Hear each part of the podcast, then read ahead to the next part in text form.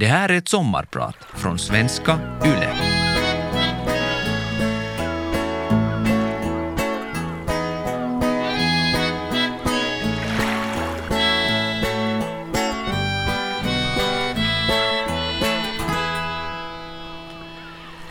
Till vara östnylänning varken kräver eller fordrar några särskilda ansträngningar eller försök till vara roliga. Eftersom östnyländskheten är humoristisk i sig.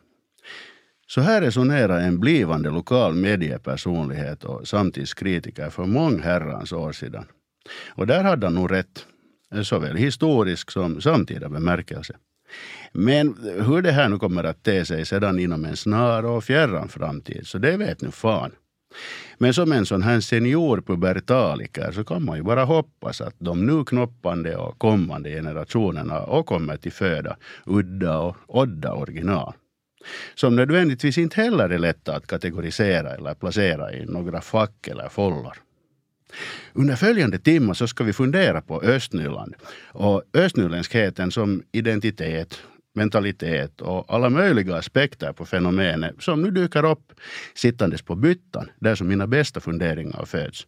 Därför vill och får ni inte ens veta något om idéerna jag får utanför uthuset. Filosoferande ackompanjeras av musik av artister som alla har mer eller mindre koppling till området från Sibbo via Borgostad och forna landskommun till Pärnu och Lovisa. Morgens, hej och goddag. Jag är Saliven Gustafsson. Forn mediearbetare med ett skumt förflutet inom press, radio och tv. Nu för tiden verbal proletär inom översättningsbranschen. Utöver det spelar jag trummor för pengar, mat eller bensin om någon råkar behöva. Idag är jag eran sommarsnarrare för lite pengar till mat och bensin.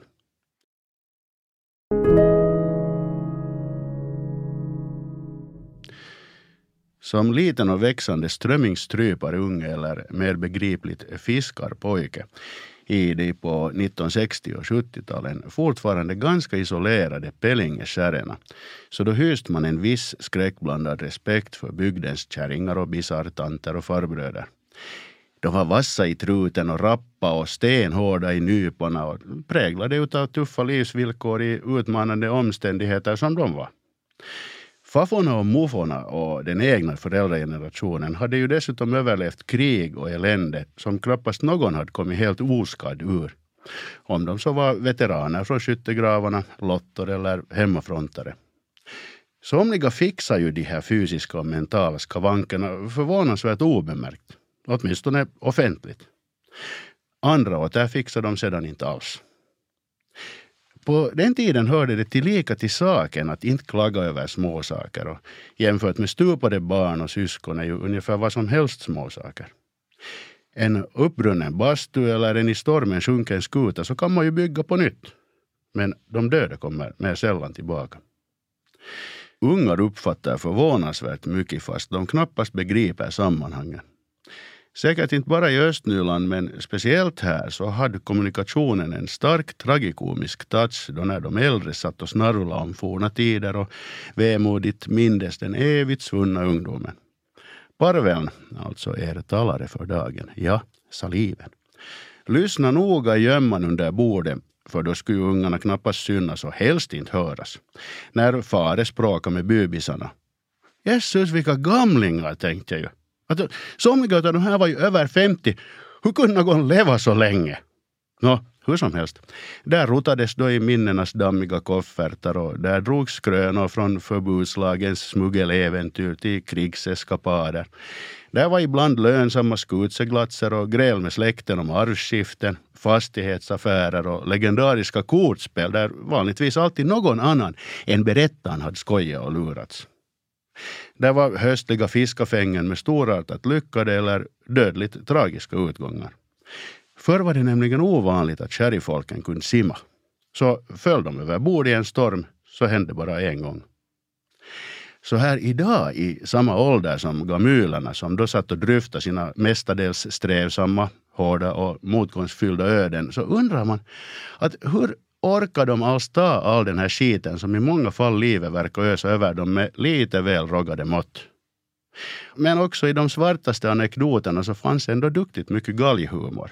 fatalism och en tydlig sån här resning och inte så liten stolthet över att trots alla de här motgångarna fortfarande vara vid liv och någorlunda hälsa. Att orka minnas katastroferna i kamratstödsgruppen och färga hågkomsterna med möjligast god självironi och galghumor, krydda med knorr på hembränning eller kanske rent av köpis från brännvinsboden. Så det var det närmaste terapi man kom i Kärritorpen förr i världen. Och humorn är ju det sista östnylänningen har när allt annat har gått förlorat. Och galghumorn är ju faktiskt den bästa terapin.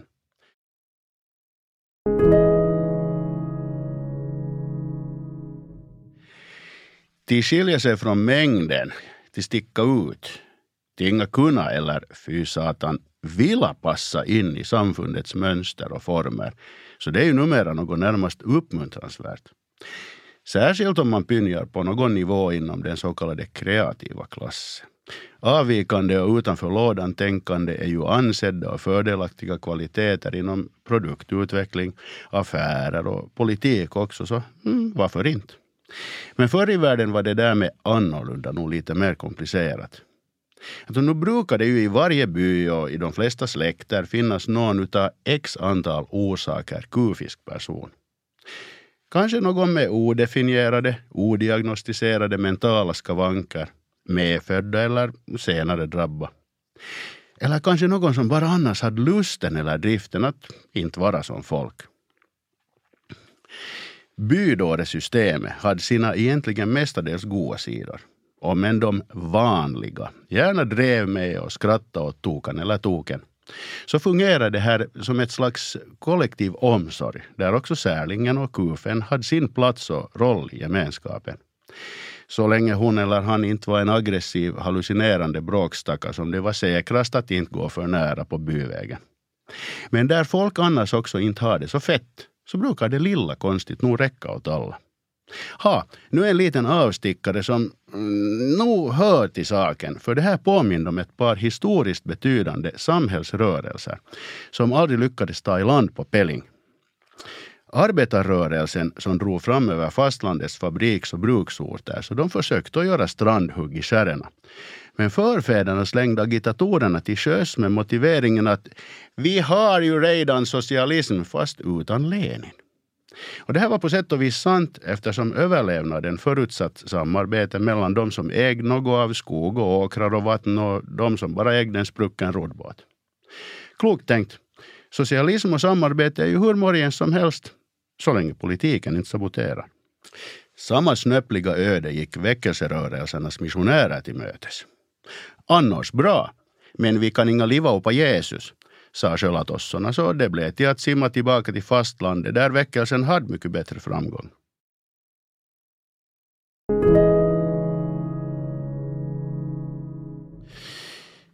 Sedan kan man ju av rena slumpen bli avvikande och kanske rent av orätt och lite no, felaktiga.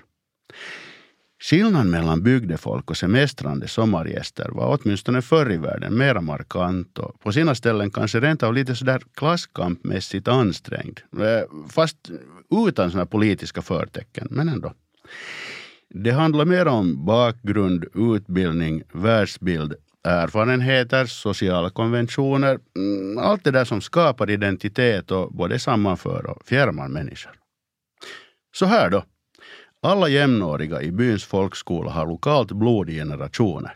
Men far min går på relativt äldre dagar och kärar ner sig i en Helsingforsbrud som är underlig redan på det viset och till råga på allt envisas med att tala skillnadska trots många somrar ute i skärgården. När mor ännu tillfår enda sonen, alltså mig, att låta som hon i god tid innan den knaggliga skolgången anträds, så är ju gossen halvt fördärvad redan från början.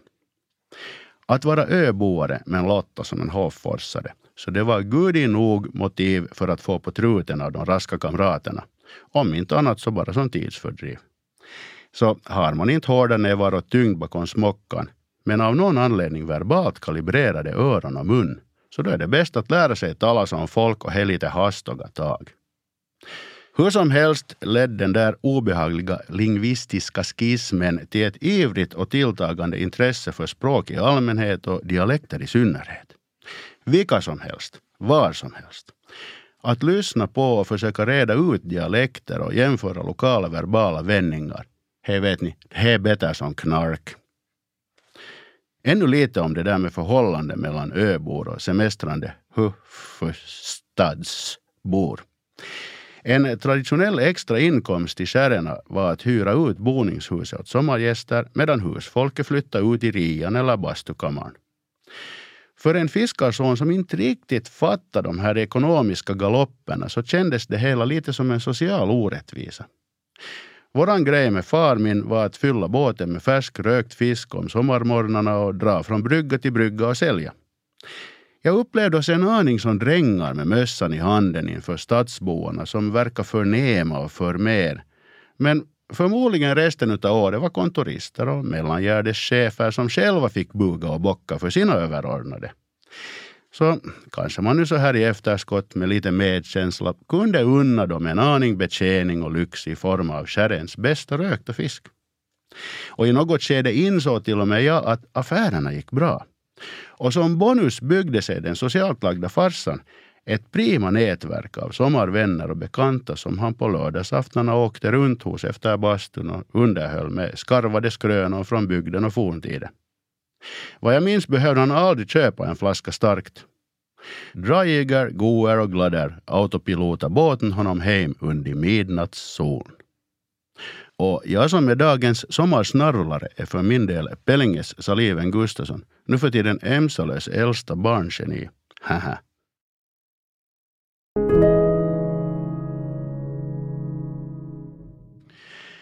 Att i de kritiska ynglingaåren uppleva och dessutom både skapa och förvärra motsättningar, både i det privata och det offentliga, så det gör ju inte något bättre för en själv eller andra. Men om man från att ofrivilligt ha betraktats annorlunda och sedan vänder på steken och konstruerar sig så avvikande som möjligt, så då är man ju mera påfrestande än en trotsåldring med okontrollerade emotioner. Oj, oj, stackars mor och far. Men tur att Ordogan lyckades ta sig in till huvudstaden och åtminstone simulerade studier. Nå, då var det 1980-tal. Och det var annars ganska dystert i Östnylands bygder. Det fanns inte mycket att göra om familjen inte hade jord och skogsbruk, lite vettigare fiskeri eller om man kunde bygga och rempa och greja. Det flyttades bra mycket bort och inte många ynglade av sig och så den ena efter den andra byskolan stängdes och tystnade. En annan grej som 1980-talet hämtade med sig var en nymodighet som kallades citykulturen. Då var Helsingfors ännu en tämligen grå och dyster, sorglig ursäkt för storstad. Ett foto av gatubilden i centrum kunde lika gärna ha varit från Moskva. Den vanligaste personbilen hette Lada. Tanterna gick omkring i likadant permanent och fula kappor. Farbröderna gick omkring i för stora luddiskuffare, ulster av obestämbar avföringsfärg och för korta, för vida gabardinbyxor, äh, också fula.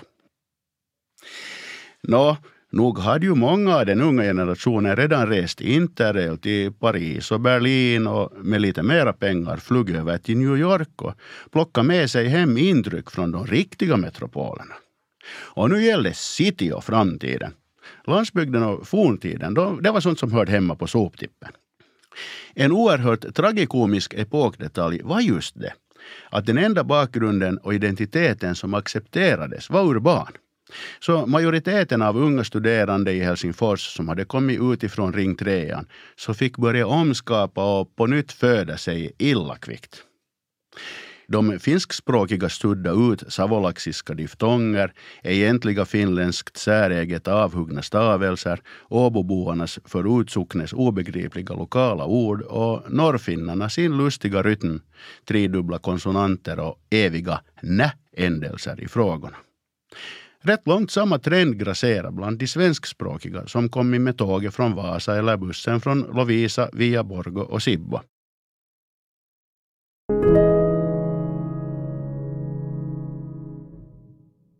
Just det, bondsk och tölpig fick ingen vara, för sådant var pinsamt och det tog närmast hela människovärdet av en. Till all lycka hade jag i det här skedet, som redan nämnts, vänt annorlundaskapet till min egna identitet och personlighet, vars idé i ett nötskal var att göra och bete sig tvärt emot. Så eftersom trenden i stan var allmogen negativ och avog mot dialekter så blev ju då oliktänkarens enda uppriktiga metod att driva en närmast aggressiv landsortsbetonande linje. Pratande ljudligt, för att inte säga överdrivet, dialekt i varje socialt sammanhang. Uppriktigt medger jag nog i det här skedet att jag tyngde sådana mängder kuddynga och fiskrens mellan tårna som jag aldrig ens hade haft där från början. Men att provocera är väl lite som att äta potatischips eller söndra fönster. Det har sitt svårt i slutändan när man har väl kommit igång. På så vis gick det också lätt att skaffa sig ovänner om man så ville. Strax när jag och några likasinnade östnyllar med samma avsaknad av självbevarelsedrift fick nys om att någon nasalt tutande, moderiktigt blaserad världsmedborgare egentligen hade kommit för två veckor sedan från Jopajoki eller Petalax, så skulle det här basuneras ut allom till kännedom. Handgemäng eller råkur undveks lyckligtvis. Men hade blickar kunnat döda skulle någon annan än Saliven Gustafsson sköta dagens sommarsnarvel. Citykulturens turbulenta födelse och barnår osar nog av inte så lite, vad heter det, empatiskam. Nej, nej, det heter faktiskt sekundärskam. Nåja, den här cirkusen lugnar ju ner sig tacksamt snart och redan kring 1980-90-talsskiftet vändes också den här steken till ett nyväckt intresse för både vårt lands och resten av världens mindre kända, isolerade och, om ni ursäktar uttrycket, exotiska trakter, folk, språk, seder och kulturer. Så att hippo till haja, som Lindéns Lenus sa, så var det åter okej att komma varifrån som helst i Östnyland, Österbotten, Karelen eller ovanifrån polcirkeln. Att tala hembygdens lokala språk och kanske till och med behärska diktningen och musiken tillika, så det blev ett plus i varje sällskap. Från att ha varit något skamligt som skulle gömmas i skrubben i stan och helst undvikas på hembygdsföreningens sommarfester då när man var hemma på besök hos föräldrarna, så blev härkomst, bakgrund, lokal färg värdefulla delar av personligheten, mentaliteten och den egna identiteten. Men för en sån här närmast pervers diggare av dialekter och särdrag som jag, som lider av akut galopperande dialektos, så stundar ju alldeles underbara tider. Och ju mer jag fick bekanta mig med landets dialekter och deras talares mångfald och skillnader, så desto mer visade det sig givetvis att likheterna blev fler och tydligare. Och det här gäller ju också i den stora bilden, för folken på den här tämligen lilla planeten, vilket egentligen skrotar rasismen som idé.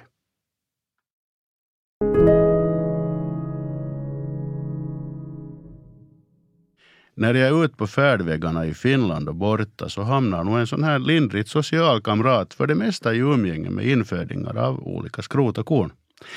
Inte sällan så ber man mig beskriva och definiera Östnyland och östnylänningen. Och det här fann jag länge mycket svårt.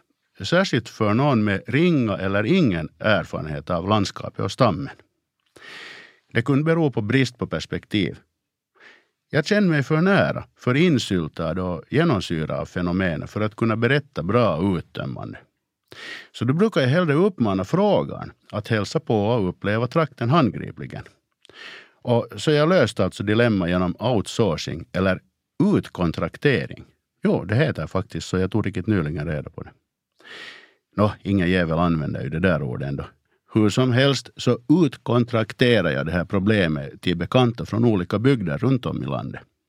Sådana som hade kännedom om Östnyland, som hade studerat, jobbat eller bott så pass länge att de hade skapat sina egna bilder av oss, grövre eller detaljerade. Något klart destillat av alla intervjuer, diskussioner, funderingar och virriga sluddranden på krogen så har jag ännu inte fått till stånd. Till och med en optimist som jag börjar för en gångs skull pessimistiskt luta åt kapitulation i frågan. Nå, jag konsulterar folk från Orimattilataka som fare kallar allt norr om Borgo, eller Pukkilaskogen, eller bara Finskon.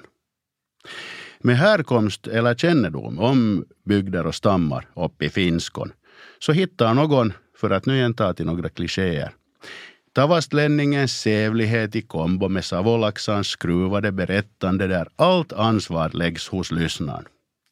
En annan tänker på karelarnas emotionella blandade frukterburk från sprudlande livsglädje till djup melankoli och dysterhet, egensinne och fatalistiska misstänksamhet mot överhet och auktoritet.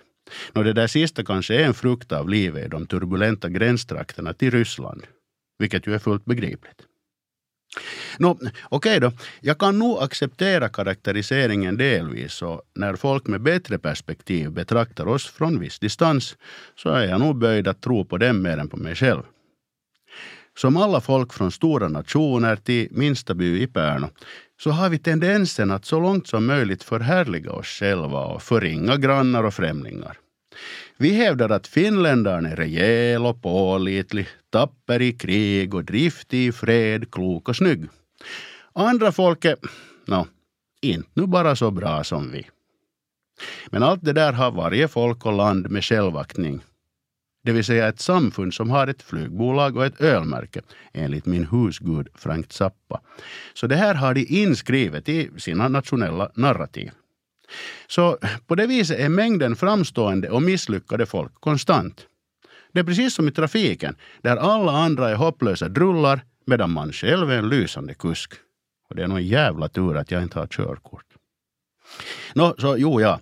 Den där självtillräckliga och självsäkra attityden, den går ända ner på byanivån. Av någon anledning så hör det ju till att de nu inte direkt skälla ut, så ändå häckla och driva med grannbyn, grannholmen, grannsocknen och dess invånare. Så länge som jag minns så har det varit så här. Åtminstone här i Borgå forna landskommunsbyar och arkipelag. Och jag vet, märker jag egentligen nu inte precis hur det är till exempel i gemytliga, positiva och soliga Västnyland, men åtminstone vid Östnyllen, vi är styva på att hitta på nidvisan om alla andra byar och deras invånare. Fast jag är nog no, ganska säker på att det här är en sån här form av underhållning, roasting eller rostande som scenkomikerna sysslar med. Det är en match i skarpa fyndigheter och raljerande som i bästa fall drivs så långt att också offret pissar ner sig utav skratt. Kvalitetsfitteri. Det är så väsentligt i kommunikationen i Östnyland att det närmast kan betraktas som en del av mentaliteten och hela den östnyländska identiteten. Å andra sidan är generaliseringar som finnarna är sådana som grupp vetenskapligt helt värdelösa. Och tillika betyder det ju också att östnylänningarna, om än bara en pyttestam, inte heller kan beskrivas som ett kollektiv. Allra minst idag, när teknologin har krympt hela världen, men också möjliggjort att udda och odda människor var som helst hittar själsfränder på andra sidan klotet, om de inte råkar finnas närmare. Kommer i så fall då alla lokala särpräglingar småningom att raderas ut och blir vi ett enda jordfolk där vaga nyanser som det östnyländska bara försvinner i grytan.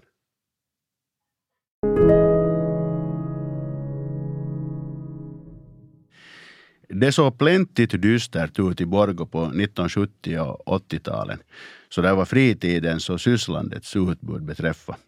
Om man inte spelar bandy, fot eller handboll så var det nog bra ensamt för en fiskarparvel utan några större idrottsliga ambitioner. Men det var ju förstås spännande att se och pröva en vattuklosett. Nej, nu ljög jag. Jag hade nog hos mommo och muffa i Femkanten i Helsingfors upplevt en sådan där gammaldags modell med tanken upp under taket och så en sån där bytt ring utav trä. Så var så sprucken och gisten att man fick stickor i barnaröven om man inte sket med byxorna på. No, och rören förde ett sådant herrans oljud och jag var otroligt rädd för att måste gå på skithuset där. Det var 1982 eller 3 när jag skrev och så fick jag skipparmyssan från Borgå gymnasium eller Lyse som seniorerna minns det. Och sedan ville jag därifrån hastiga tag. Nästan vart som helst. Ganska länge bevistade jag Borgå bara för att byta typ till Tirmabussen på vägen ner till Fare och More. Som de flesta östnyländska socknar och byar så levde också Pellinge som i någon sorts dvala på den tiden. Eller så upplevde det i alla fall. Somliga hade flyttat bort för att studera eller jobba. De som hängde kvar knegade rutinmässigt på med jord och skogsbruk, fiska, byggde någon båt. Få ungar föddes, flera gamlingar dog. Inga nya flyttade in. Det var som om det inte riktigt fanns någon framtid att bry sig om. Men idag är det med både Pellinge och Borgo som med Björkendal när han slutar supa. Inga lika mera utan annorlunda nu. Och så här har det varit sedan strax innan det nya millenniet. Borgå är en förvånansvärt levande och mångsidig stad som växer till invånarantalet, till service, kultur och restaurangutbudet som några exempel. Borgå ser ut och känns ung. Kanske för att jag själv inte. Idag vill jag inte bara byta buss eller åka igenom utan stanna och hinna göra ens något av det som bjuds i det som känns som hemstaden. Fast pappren är annorstädes för egen del skamligt nog i Hoffors, fast jag sedan tio år huserar cirka tre fjärdedelar av året på Emsalö. Just det, det där med att lämna hembyn, eller hemholmen, så det är också en krånglig grej. Man åker bort av x orsaker och somliga kan tycka att man är en lurk som bidrar till avfolkningen. Nå, om man råkar vara en bråkstacka så är det väl lika så bra. Jag har ändå alltid känt mig som en östnylänning i exil och då har identiteten snarare varit en styrka. Och den här speciella sortens hemlängtan som säkert alla öbor i hela världen har om de hamnar på fastlandet. Så den sitter i. Inte bara negativt eller ledsamt utan det är något att bära med sig hemifrån. På mikroplanet så spelar åter det knutpatriotiska hjärtliga fitteriet in. Oberoende av hur länge jag bor och dör på Emsalö är alltid enligt lokalintelligentian en pellingsboe. Nå, inte gör det något, sa pellingsbon, sa Ömans Nutte. Poängen är att man måste åka bort emellanåt för att kunna komma hem.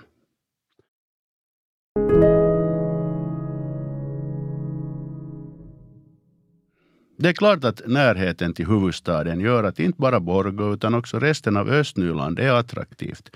Och av all nybyggnation att döma fortsätter att locka folk. En del är kanske tillbakaflyttande eller har något släktband. Många kommer från resten av Finland och somliga ännu längre ifrån. De slår sig ner, ynglar i bästa fall av sig och efter några generationer östnylänningar som har en egen bit lokal historia. Och det är nu jag skulle behöva tidsmaskinen och åka och träffa de framtida östnylänningarna se och höra om de alls påminner om någon av mina samtida bekanta. Eller de människor som i min barndom representerar något musealt och gammaldags. Som om jag lika gärna kunde ha träffat dem år 1870. Knappast. De kommer att vara ett alldeles nytt folk. Men tillika östnylänningar med en egen identitet och mentalitet. De dagarna kommer närmare som i Closer med Jimmy Tenor and his shamans. Och Closer kan också betyda en avslutning. Och det är dit vi har kommit nu. Tackar nu gott folk så mycket som möjligt för att ni var med på mottagarsidan. Jag var, är och kommer till vara Saliven Gustafsson tills hundra år. Sedan kommer jag tillbaka och spökar för er där. Som Lovisaboarna säger när de kommer och hälsar på. Nå hej då.